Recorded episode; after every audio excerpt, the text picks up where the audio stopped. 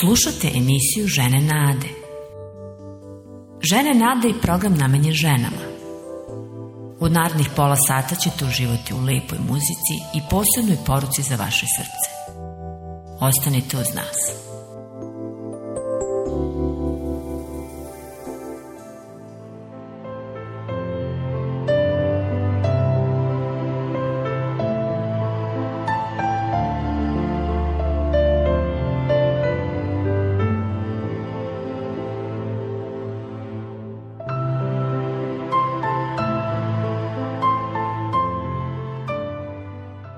Dobrodošle u program Žene nade. Drago nam je što smo ponovo zajedno. Ja sam Bilja, a sa mnom je kao i uvek Tanja. Zdravo Biljo. Pozdravi za vas, drage naše slušateljke, drage žene nade. U poslednjih par emisija naša gošća je bila Jelena Sivulka, psiholog i psihoterapeut. Ona nam je iskreno i veoma otvoreno govorila o patnji i bolu. Takođe nas je ohrabrila da uvek tražimo Boga, bez obzira u kakvim okolnostima se nalazili. I ovog puta je Jelena sa nama. Reći će nam nešto više o tome kako na nas utiče tuđa patnja i koja je naša uloga kao tela Hristovog prema onima koji pate. Da li postoji poziv za nas od Boga koji smo svi primili? Dakle, poslušajmo sada ono što će nam govoriti Otvorimo naše uši i naša srca.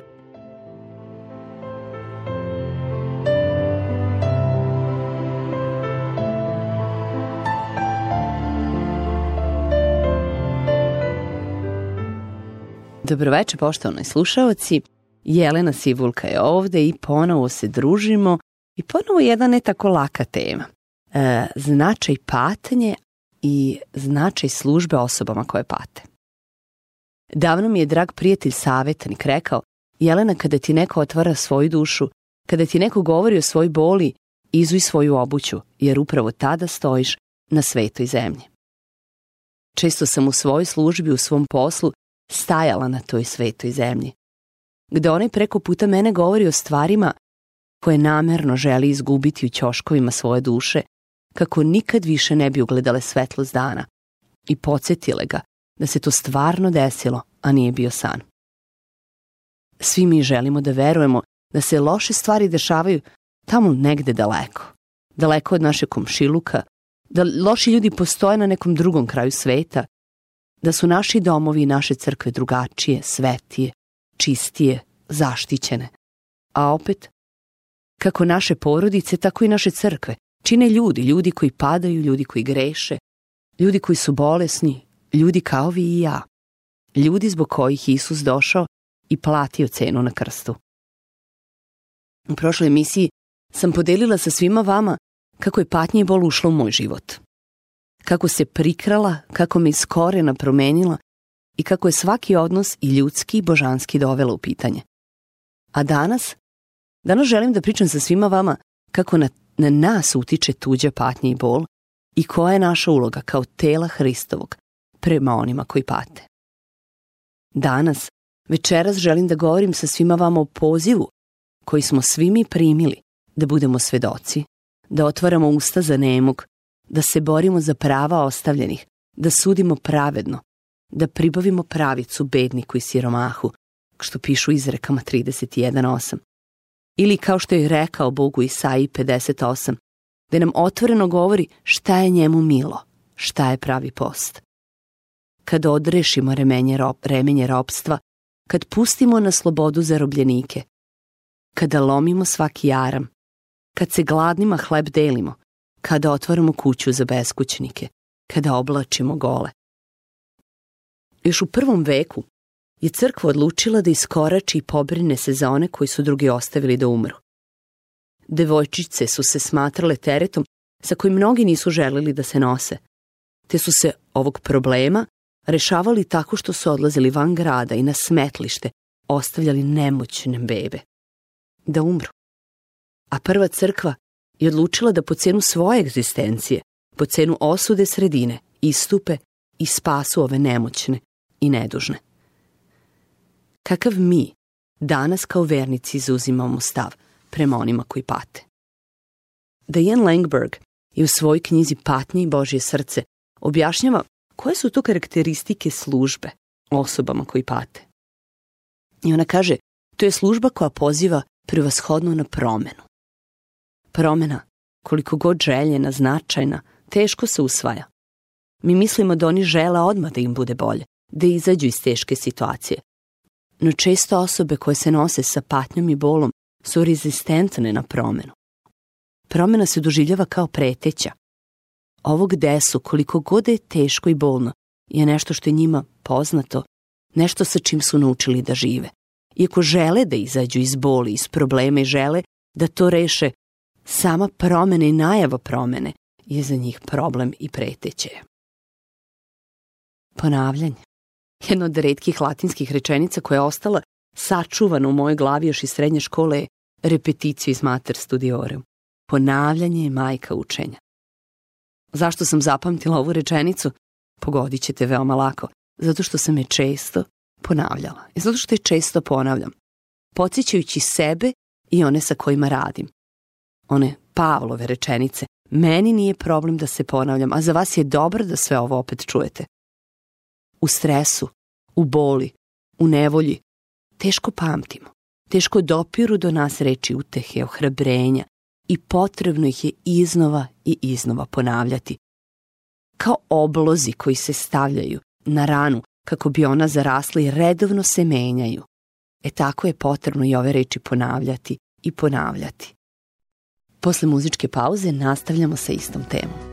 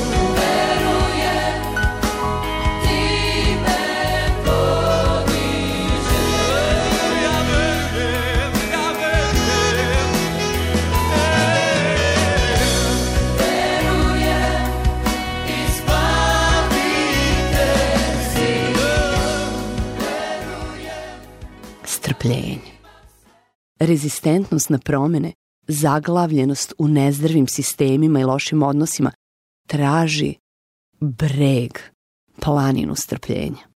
Onog koji je u problemu i nas koji smo tu da pomognemo, uputimo i saslušamo. Jer ono što je najznačajnije u ovom procesu to je činjenica da ovo nije naše delo, da mi nismo oni koji spašavaju, da je ovo njegovih ruku delo i da svi čekamo na njega, da on čini, da on radi, da on deluje. Tako da poziv na strpljenje je poziv na strpljenje i nas koji donosimo ove obloge, ovaj melem na ranu, a i onih kojima je to tako neophodno. Značajna stvar koju ne možemo da izbegnemo, a to je greh. Ne znači da je svaka patnja i bol produkt greha. Čuvajte se da ne postanete jobovi prijatelji nekome. Ali isto tako bol i patnja mogu biti i produkt greha. Ponekad su ljudi u krizi zbog svog, nekad zbog tuđeg, nekad zbog zajedničkog greha.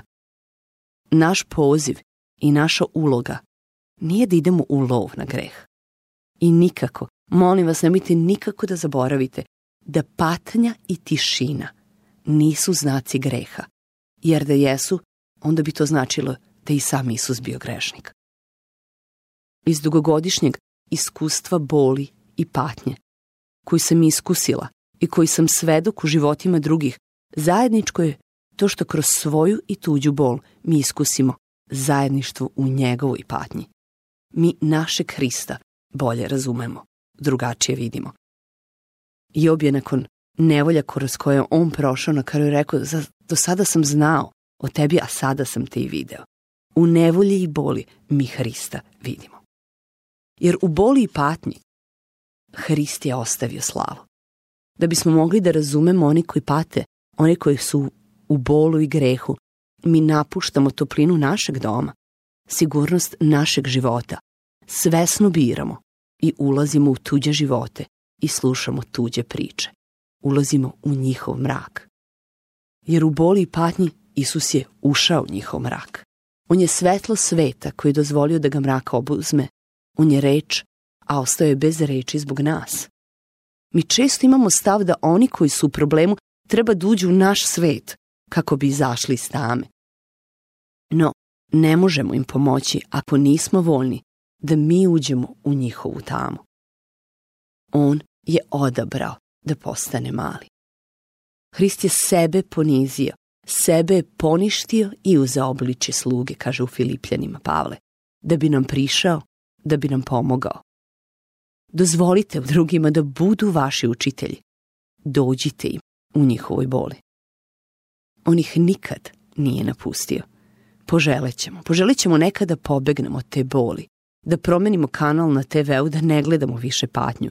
Da ne uđemo u domove onih koji imaju tešku priču. Da verujemo da se neke stvari nikad nisu desile. Da neke stvari nikad nisu izgovorene. Jer bi život tada bio mnogo lepši, mnogo lakši ali on nije pobegao i nije nas ostavio. Odabrao je da veruje, ušao je u naš mrak i doneo svetlost. Koje su to teške priče sa kojima se mi danas nosimo? Sa kojima smo mi danas preplavljeni?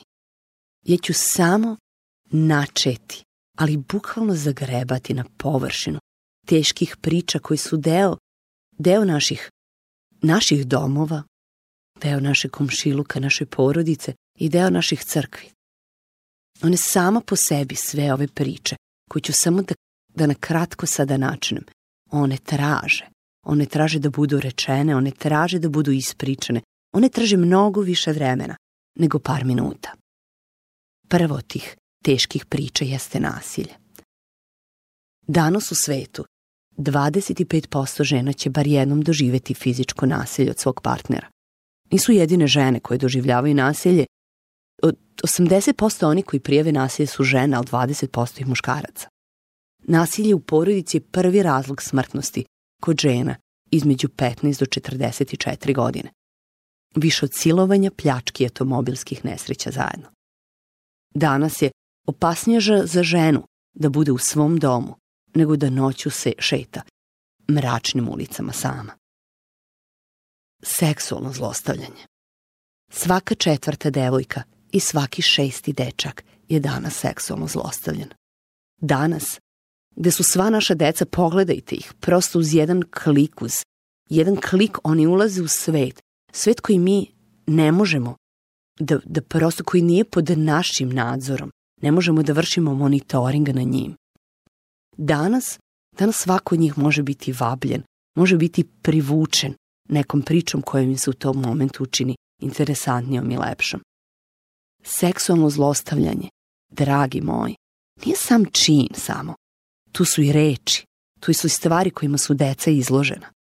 Nisam ni spomenula da, ako govorimo da je svaka četvrta devojka i svaki šesti dečak seksualno zlostavljen, mnogo je češće se sve ovo dešava kod dece koje nose bilo koju vrstu teškoća, problema, problema u učenju, problema u razvoju. Oni su još više izloženi, pogotovo što oni ne znaju ni kako ovu bol ni da pretoče u reči, pogotovo što ne mogu ni da prijave. Većina seksualnih zlostavljanja su počinjene od strane nekog koga žrtva poznaje. Traumatski stresni događaj treće poglavlje jednog ne knjige, nego toma, jedne debele bibliografije priča koju ću ja sama opet sada, samo da je dam na značaju da je spomenem.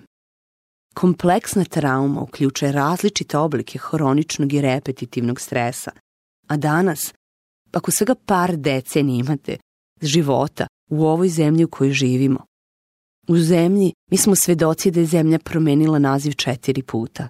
Mi smo svedoci rata, ekonomske krize, embarga, kraha berazi, devalvacije novca, bombardovanja, i Nažalost, sa svega nekoliko decenija života već imate paletu višegodišnjih stresora i traume.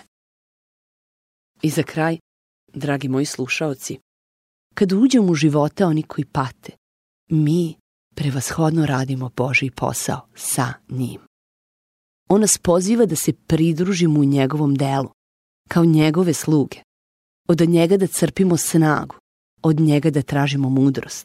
On je spasitelj koji želi da spasi druge. Mi nismo spasitelji. Mi služimo ljudima zbog Boga. Jer nisu ljudi u svoj boli vlasnici našeg vremena. Jer ako jesu, tu je urgentnost, tu je problem. I tada postavljamo njih na pedastal, zaboravljajući da pomognemo sebi, zaboravljajući kome mi služimo i ko nas je pozvao. I druga značajna činjenica – u ovoj teškoj, teškoj priči je da mi možemo obaviti svoj posao jer nas je On pozvao. Dozvolite Isusu da vas menja, da vas pripremi. Već više od 8 godina suprug ja organizujemo kampove za porodice koje se nose sa invaliditetom i problemima. Svake godine mi to radimo zato što imamo ekipu od 30 do 40 fantastičnih volontera, dece koje odluče da nam se pridruže i da zajedno sa nama vole ovu decu i vole ove porodice. Ono što je divno posmatrati i gde mene Bog uvek iznova iznenadi fascinira je kako on menja živote ne samo ovih porodica i ove dece koji mi služimo, već menja živote ovih mladih volontera koji služe. Danas, večera sam sa vama stvarno načela jednu, jednu tešku priču načela nekoliko poglavlja koji su izuzetno teški. Ono što bi isto tako želela sa vama i u narednim emisijama je da podelim jesu, a svi biseri koji se rode iz ovakve jedne službe, sve radosti koje mi iskusimo uprkos boli, uprkos nevolji, svo bogatstvo koje mi prosto se okiti nas Hrist kada zajedno sa njim uđemo u ovaj mrak i nosimo ovu tešku priču. Hvala vam na, na vašem strpljenju, hvala vam na vašem slušanju.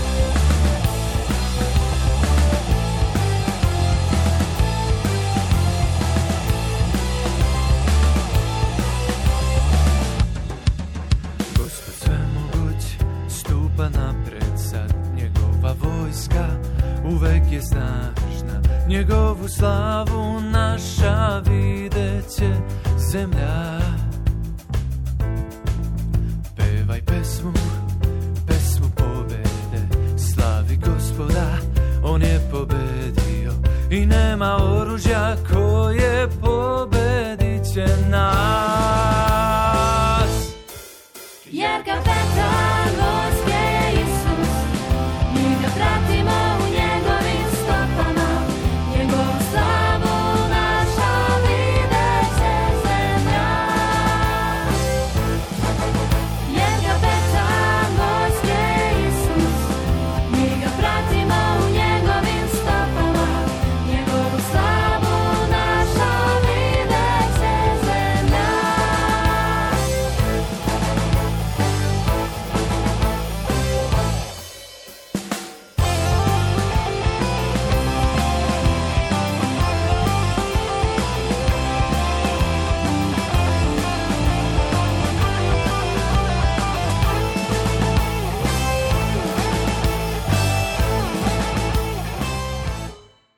Hvala tebi, draga Jelena, što si i ovog puta tako iskreno podelila sa nama svoje misli i iskustva.